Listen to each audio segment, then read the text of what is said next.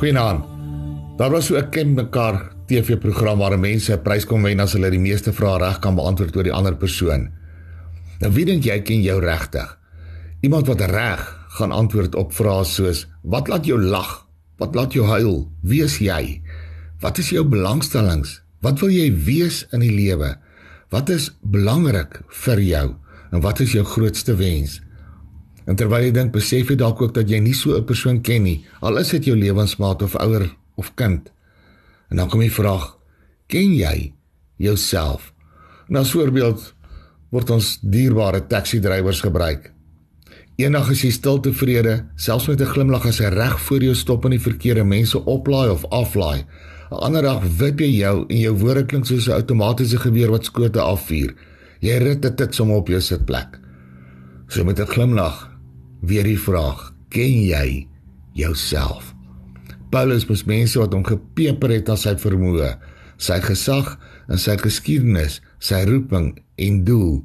In 1 Korintiërs 15 antwoord. In vers 10 sê hy hierdie woorde: Maar deur die genade van God is ek wat ek is. En sy genade aan my was nie te vergeefs nie, maar ek het oorvloediger gearbei as hulle almal. Nogtans nie ek nie, maar die genade van God wat met my is. Nou mag jy ook weet vanaand dat jy is wat jy is deur die genade van jou God en Verlosser. As daar een persoon is wat jou ken, dan is dit hy.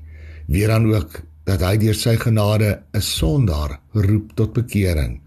Sy liefde is 'n oop arm en 'n stywe drukkie gevoel.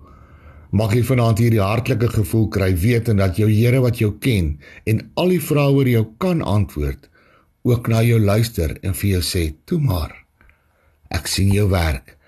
Ek weet die goeie en die kwade. Ek gooi jou nie weg nie. Jy is vrygespreek deur my genade en liefde. Wees wie jy is in my naam. Het ons nie 'n wonderlike God nie? Ken jy hom? Amen. Nag sê Here